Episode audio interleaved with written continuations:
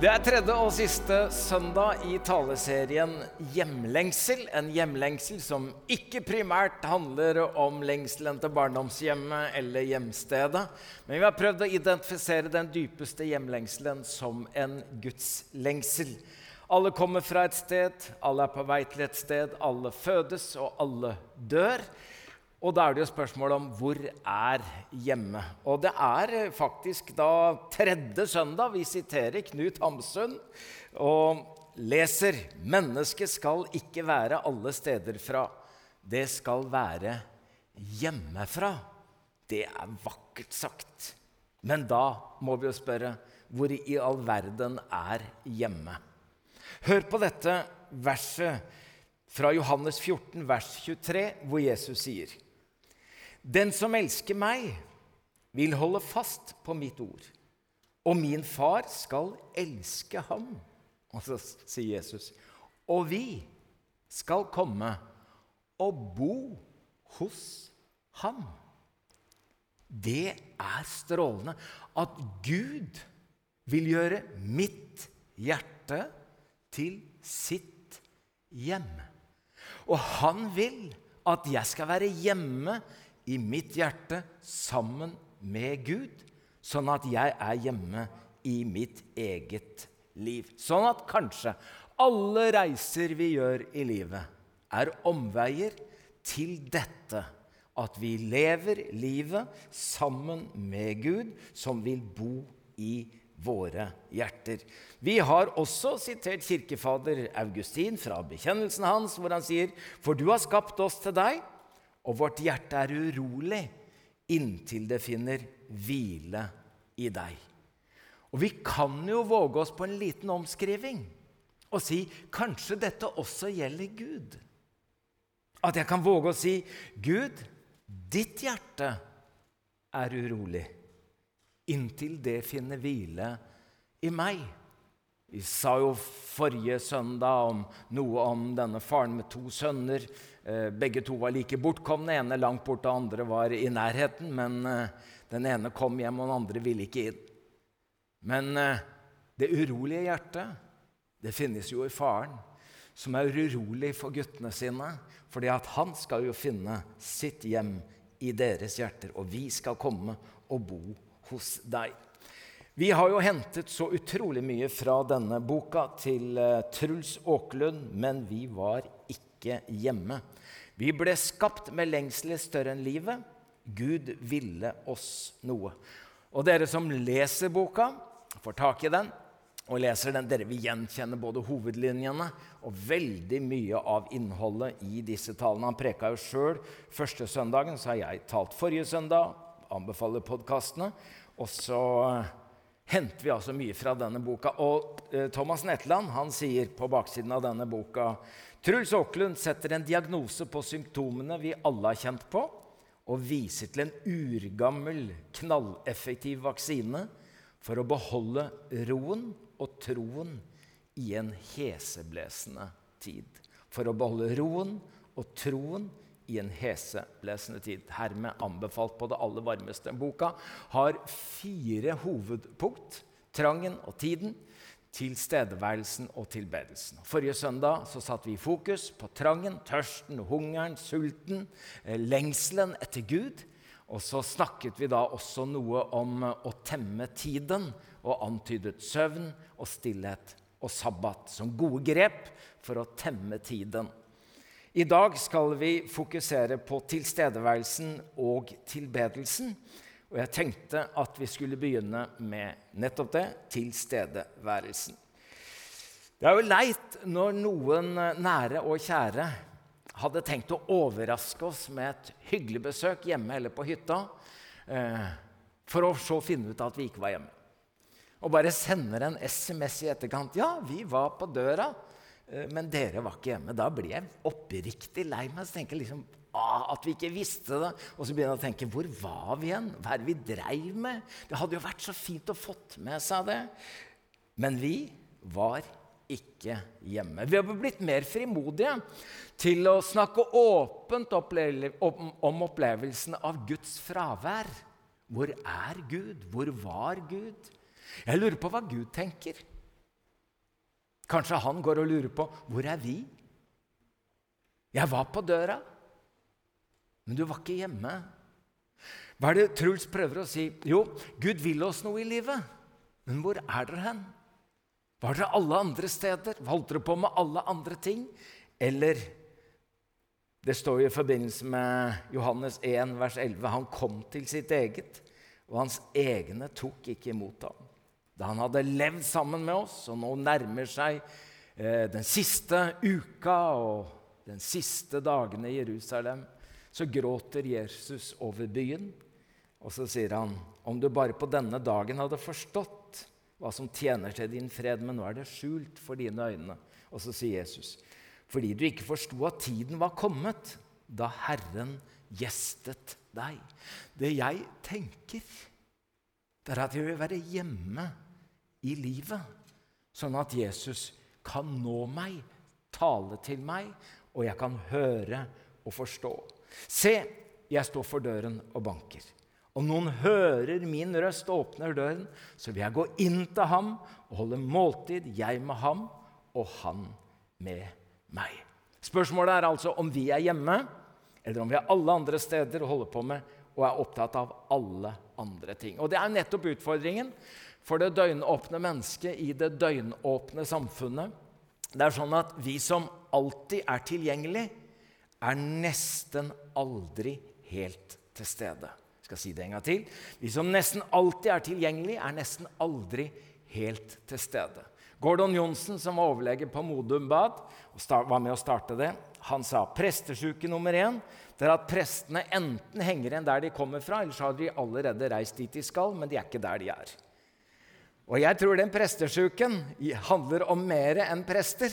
Jeg tror det handler om utrolig mange av oss hvor vi henger igjen i tankene, i sinnet, i oppmerksomheten fra noe vi har lagt bak oss, kanskje før i dag eller i uka som var, eller allerede har dratt inn i dagene som kommer.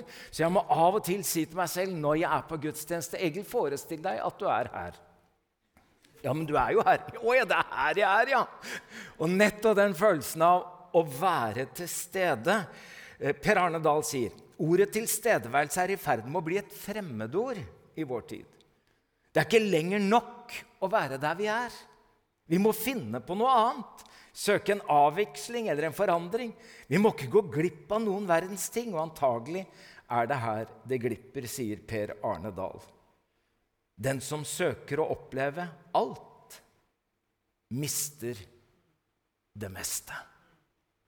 Vi lever i en tid, i det såkalte vestlig moderne samfunn, hvor begrensningene ikke er vår utfordring. Det som er vår utfordring, det er de ubegrensede mulighetene. Nesten alle dører står åpne.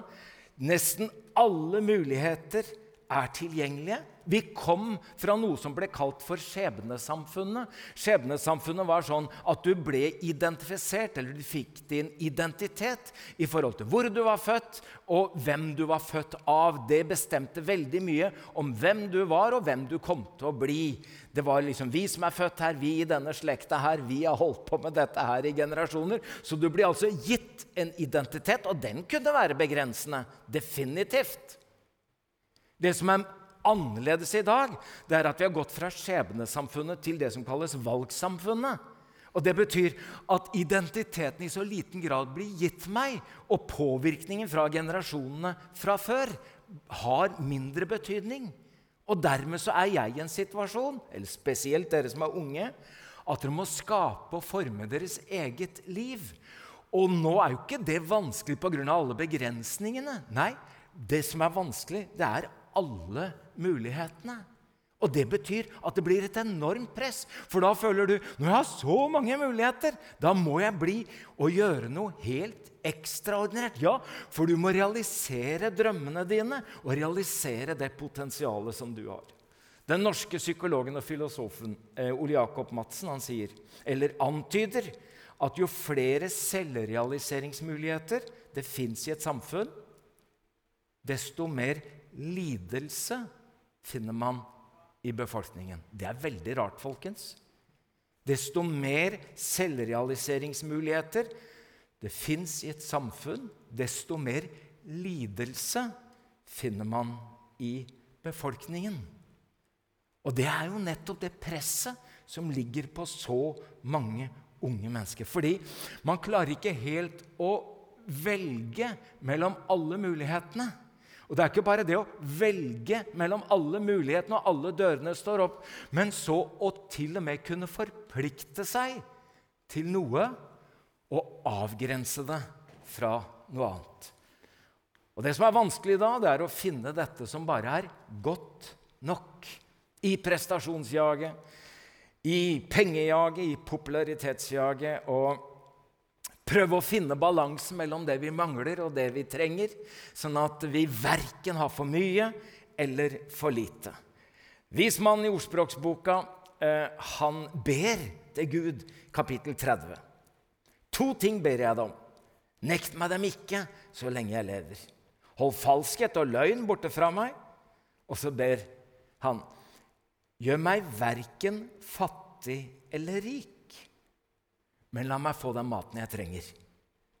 Før så het det 'gi meg verken armod eller rikdom'. Altså, jeg ber deg, Gud, ikke for mye, men heller ikke for lite.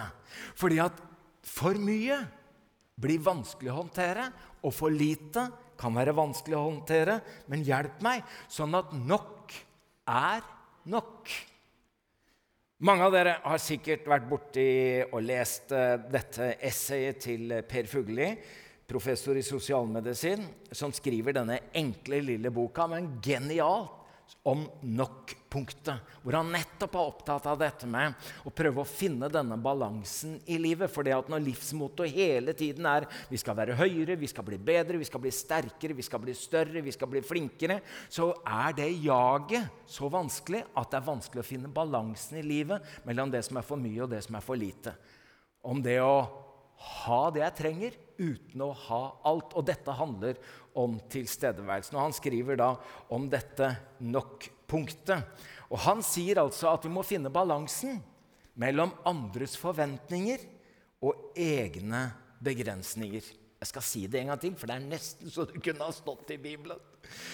Jeg må finne balansen og finne nok-punktet mellom andres forventninger og egne begrensninger. Det handler om tilstedeværelse. Den gode Per Fugli han sier altså at nok-punktet ikke er en passiv resignasjon, men en aktiv realitetsorientering. Jeg er til stede i det livet jeg lever, sånn som det i virkeligheten er. Og tror sikkert eh, Per Fuglili trodde han sikkert at dette hadde han funnet på selv.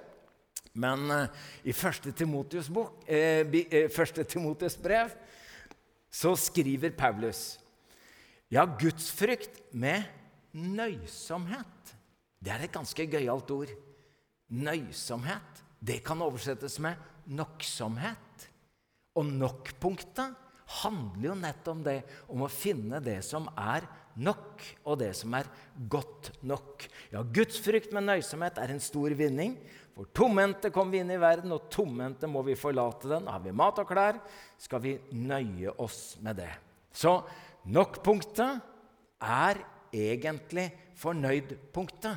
Det betyr at jeg har ikke alt, men jeg mangler det ingenting. Jeg har nok. Og det å finne dette er utrolig viktig for tilstedeværelsen her og nå. Eh, jeg vokste opp med en sånn sviskesang av eh, jeg tror det het Kurt Foss og Reidar Bø.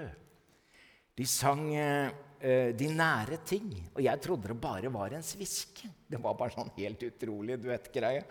Så er det Arne Påske Aasen, lyrikeren, som har skrevet teksten. Og så skjønte jeg genialiteten. Han avslutter første vers med å si Du lengter bestandig et annet sted. Han avslutter andre vers med å si, 'Finn veien tilbake til det du har'. Og så skriver han i det tredje verset. Den lykken du søker bak blånende fjell, kan hende du alltid har eiet den selv. Du skal ikke jage i hvileløs ring. Men lær deg å elske de nære ting. Jeg tror mange av dere kjenner igjen dette. Mange av dere er studenter. Mange av dere er i Oslo for en periode, men det er jo ikke her du egentlig er. det er jo ikke her du egentlig skal være. Og siden du bare studerer, så har du ikke blitt det du skal bli heller. Så du er jo hele tiden bare på vei til et annet sted, både geografisk, men også sosialt. Og du er hele tiden på vei et annet sted. Hør her. Gud vil noe med livet ditt. Gud vil noe med livet ditt her og nå. Og den tilstedeværelsen handler om at du ikke bare er på vei til et sted men at han finner deg hjemme i livet sånn som det ser ut akkurat nå. Og Da kan vi lære oss ikke bare å elske de nære ting, men vi kan lære oss å elske det som er hellig alminnelig. Det høres jo utrolig kjedelig ut. Alminnelig, liksom? Nei, nei, gi meg noe ekstraordinært, altså. World class. Altså, det er det jeg vil ha. Og det er det som er vår tids store mareritt. Det er at vi hele tiden flykter for å prøve å oppnå og finne det helt ekstraordinære. Nå snakker ikke jeg varmt om det middelmådige, nei. Men jeg snakker om å tenke stort om det gjennomsnittlige. Og Når noen utfordrer det gjennomsnittlige, så er det jo nettopp sånn at snittet går opp for alle. Og det er jo herlig i sosialdemokratiet. Jeg hørte et lite halleluja der. Men det er noe med at mulighetene er store. Gi det du har. Men lær deg også å forsone deg med det som er hellig alminnelig. Det står om Jesus Kristus. Ordet ble menneske og tok bolig. Han tok bolig iblant oss. Og vi, vi så hans herlighet. En herlighet som den enbårne sønn har fra sin far, full av nåde og sannhet. Tenk deg dette, at du tar bolig i ditt eget liv, så du kan være hjemme i et liv som er helt alminnelig. Det er fint, folkens. Du vet, Vi sier i trosbekjennelsen Jeg tror på Den hellige ånd. En hellig Jeg hørte ikke riktig. En hellig ja, Det kan si allmenn, og man kan si alminnelig. Og det er jo det vi ikke vil ha alminnelig kirke. Nei, gi meg en ekstraordinær en. Det er jo det jeg jakter etter. Her er det jo veldig alminnelig, da. Ja, det er veldig alminnelig her. Vet du hva? Dette er en helt alminnelig kirke for helt alminnelige folk. Og vi har helt alminnelige pastorer. Vet du hvorfor? Fordi vi lever, lever helt alminnelige liv. Og det syns vi er hellig. Er ikke det flott? Så jeg har kommet til en slags ro og hvile i liv at Egil Svartdal er en ganske alminnelig type som er gift med en ganske alminnelig kone, som har et ganske alminnelig ekteskap, og som har bygget opp en ganske alminnelig familie og lever et ganske alminnelig liv. Og så får vi lov å være en del av en hellig, alminnelig kirke. Du ikke alltid er på vei et annet sted, men at det hellige er nettopp også i det helt alminnelige. Vi sa jo forrige søndag at det fjerde budet om sabbatsbudet er det budet som bygger bro mellom vår relasjon til Gud og vår relasjon til andre, andre mennesker. Og kobler sammen det hellige og det menneskelige, vårt liv med Gud og liv med hverandre. Det hellige alminnelige, det gjør det. Jeg må få lov å introdusere dere for disse to karene her. Per Arne Dahl kjenner mange. Han til venstre, han andre til høyre er Per Tveit. De to har vært kamerater nesten hele sitt liv. Eh, eh, og Per Tveit var komponist. Han var kapellmester. Han var kapellmester for de store lørdagsshowene på NRK. Eh, og så var han fantastisk pianist og spilte med de aller største. Virkelig en stor musiker. Og så har han en fantastisk eh, gave til å være til stede. Eh, jeg husker vi lagde et program hvor Sverre Mo, sangeren Sverre Mo og Per Tveit var gjester. Og de måtte skrive i gjesteboka, selvfølgelig. Og jeg leste gjesteboka når de gutta hadde gått, og da sto det i gjesteboka 'Dette gikk jo greit'. Hilsen Mo og Tveit. Men nå må jeg på do. Hilsen Tveit og Mo. Det, det, og så skulle han med i et annet program, i en programserie. Per, så hadde han fått MS.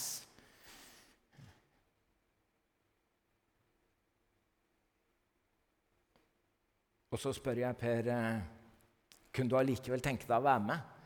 Vi trenger en fast hjørnestein av en musiker. Og da sier Per ja, jeg spiller ikke like bra som før, men jeg spiller fortsatt bedre enn de fleste.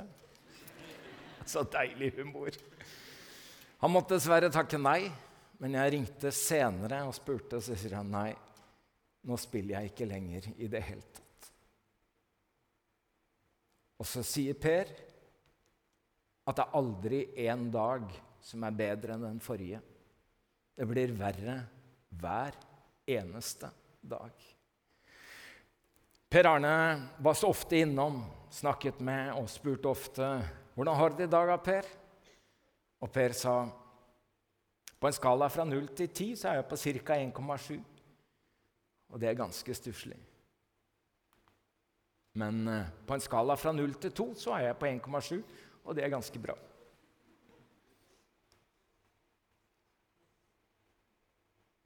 Jeg aner ikke hvor du har fått skalaen din fra. Jeg vet ikke hvem som har lagt den på deg. At ditt liv alltid må måles med en skala som funker for andre,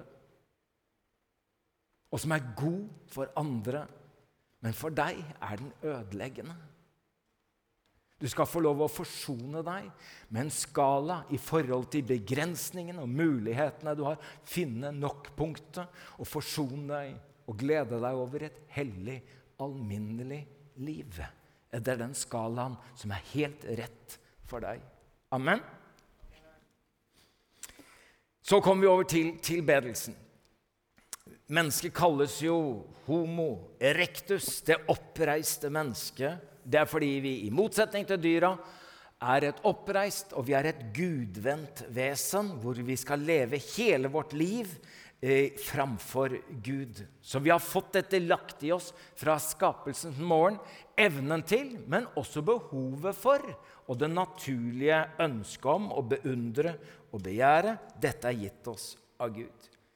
Å tilbe er å rette oppmerksomheten og hengivenheten mot noe eller noen. Og Kristentilbedelse handler da om å rette denne oppmerksomheten og hengivenheten mot Gud og det han har gjort for oss i Jesus Kristus. Vi kalles også Homo sapiens, det tenkende mennesket. Vi kalles homolaber, det skapende mennesket. Men uttrykket homo adorans betyr det tilbedende mennesket. Og dette at det ligger i vår natur, kanskje mer enn å være et tenkende vesen, er vi et tilbedende vesen. I boka 'Gud jakten' skriver Joel Halldorf om dette. Veldig opptatt av at det svenske folk, som er ett av de mest sekulære samfunnene i hele verden, til og med enda et hakk mer sekulære enn nordmenn, selv om det nesten ikke går an. Men det Joel Halldorf da er opptatt av, det er at han finner homo adorans, altså svenske, den sekulære svensken, som tilbedere. De har bare vendt seg bort fra Gud og tilber noe annet. For han sier vi har ikke noe valg. Vi kan ikke velge å ikke tilbe. Vi kan bare velge hvem eller hva vi vil tilbe, og hvordan vi vil gjøre det. Og Han sier at de religiøse instinktene er intakte også i det sekulære samfunnet. Det er morsomt hvordan han kobler dette for opp imot kjøpesentrene og ser, ser hvordan det ligner på katedralene. Se hvordan man legger varene fram på alterne for å love folk et bedre liv. Og så kobler han det moderne, sekulære samfunnet opp imot at vi har jo ikke sluttet å tilbe. Nei da, vi bare tilber noe helt annet på en helt annen måte. Og han sier at sjelen er som et speil. Det vi vender oss mot i tilbedelse, gjenspeiles i hvem vi blir. Folkens, da Moses var oppe på fjellet, og Gud talte til Moses, da var han lenge borte. Så da begynte folk å gå i gang nede ved foten av fjellet og lage en gullkalv For de syntes jo at hedningene rundt dem hadde mye mer fancy guder. Ja, ja, De hadde guder som man kunne se og greier, og ta på. Det er store greier. Altså. Det var bilder, og det var figurer, og det var det som eh, Der oppe, hvor Gud talte og presenterer seg som den Gud som har eh, ført folket ut fra slaveri i Egypten, han sier, 'Du skal ikke ha andre guder enn meg. Og så har jeg tenkt er det mulig å bli så selvopptatt av Gud? Jeg trodde du var kjærlighet, jeg, og jeg trodde ikke at kjærligheten var så selvopptatt. Eller Eller er det sånn at den Gud som vet hvordan vi er skapt, vet at vi kommer til å tilbe, tilbe et eller annet og at det vi da velger å tilbe, vil gjøre oss til noen andre enn han har skapt oss til å være. Og at det kanskje ikke er selvopptattheten som gjør at Gud sier at du ikke skal ha andre guder enn han. Men andre guder enn han gjør oss til andre mennesker enn det han har skapt oss til å være. Så kanskje det er for å beskytte oss, kanskje det er for å bevare oss, kanskje det er for å ta vare på både våre egne liv, samfunnet rundt oss og folka som vi lever sammen med. Så avgudsdyrkelse med gullkalver er kanskje ikke så moderne. Men hvis vi tenker har vi gullkalver? Ja visst har vi det. Ikke så vanlig å be til trerøtter akkurat i vår kultur. Men hvis du begynner å leite etter det tilbedende mennesket i det moderne samfunn, så tenker du hva i all verden? Og hva slags avguder dyrker det norske folk, og kanskje også det norske kristne folk? Og det som ikke ligger utenfor oss, det ligger inni oss. I stor grad har vi jo på en måte kvittet oss med autoritetene rundt oss og over oss og flyttet den autoriteten inn i oss. Og nå heter det jo 'følg ditt eget hjerte', 'realiser dine egne drømmer', og framfor alt 'realisere deg selv'. Det betyr jo bare i praksis du er din egen gud. Så selvrealiseringen er jo en form for selvdyrking. Og det er kanskje den verste formen for avgudsdyrkelse. For jeg blir jo det jeg tilber. Det sanne tilbedelsen. Vi behøver ikke å famle i blinde. For Gud har åpenbart seg gjennom Jesus Kristus. Og Jesus Kristus er åpenbart i Ordet. Så jeg behøver ikke å begynne med blanke ark. Jeg vet hvor jeg kommer fra og jeg vet hvem jeg vil tilbe. For jeg kan jo ikke velge om jeg vil tilbe eller ikke. Jeg kan bare velge hvem jeg velger å tilbe. Da Paulus skriver sitt avskjedsbrev til unge Timotius, 2. Timotius 2,8, så sier han i en enkel setning.: Husk på Jesus Kristus, han som ble reist opp fra de døde og er av Davids ett. Dette er mitt evangelium. Og så kan man kanskje tenke, når Paulus nå er i ferd med å legge ned hele sin store tjeneste, og kirkas framtid står på spill, og så er det dette han har behov for å si. Husk på Jesus Kristus. Det er genialt. Magnus Malm ble spurt om når vi nærmet oss 2000-årsskiftet om hvor han trodde kirka var på vei mot et nytt årtusen. Da sier Magnus Malm hvis kirken er en, på en annen vei enn mot Jesus Kristus, så er den på feil vei. Hør her. Tilbedelsens hjem er Jesus Kristus. Det er derfor vi kommer sammen til gudstjeneste. Vi samles ikke om meg, vi samles ikke om gudstjenesteledere, om sangere. Om vi samles om Jesus Kristus. Her kalibrerer vi våre hjerter. Her fokuserer vi vårt sinn for å stemmes inn mot dette at livet mitt kan være en tilbedelse. Halleluja, sier nå jeg rett ut. Da Jesus møtte kvinnen eh, på brønnkanten utenfor eh, Sykar, så sier Jesus til henne den time kommer, ja, den er nå, da de sanne tilberedere skal tilbe Far i ånd og sannhet. For slike tilbedere vil Far ha. Gud er ånd, og den som tilber ham, må tilbe i ånd og sannhet.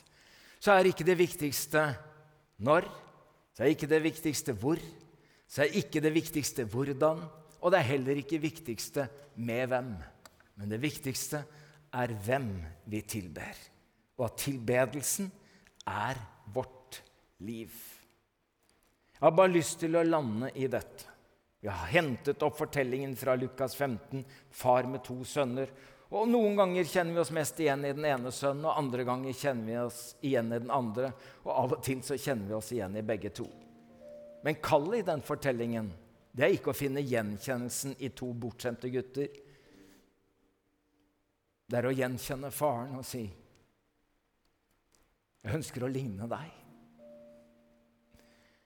Og ved det å tilbe Gud så kan vi begynne å ligne Gud. Og da blir vi ikke innadvendte, da blir vi utadvendte. Da får vi dette urolige hjertet, og som ser de som kommer. Og ser de med Guds øyne, eller ser de i Guds lys? Konrad og jeg har bare snakket om at kanskje det er godt bare å sitte litt. Bare å være her. Bare la det synke inn. Homo adorans, det tilbedende mennesket. Bare få lov å la det prege deg. Hjelp meg, Jesus, at jeg klarer å velge å tilbe.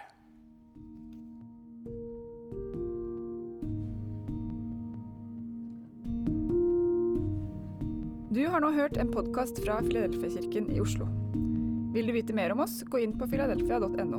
Og ikke minst velkommen til å feire gudstjenester med oss hver eneste søndag, enten fysisk eller online.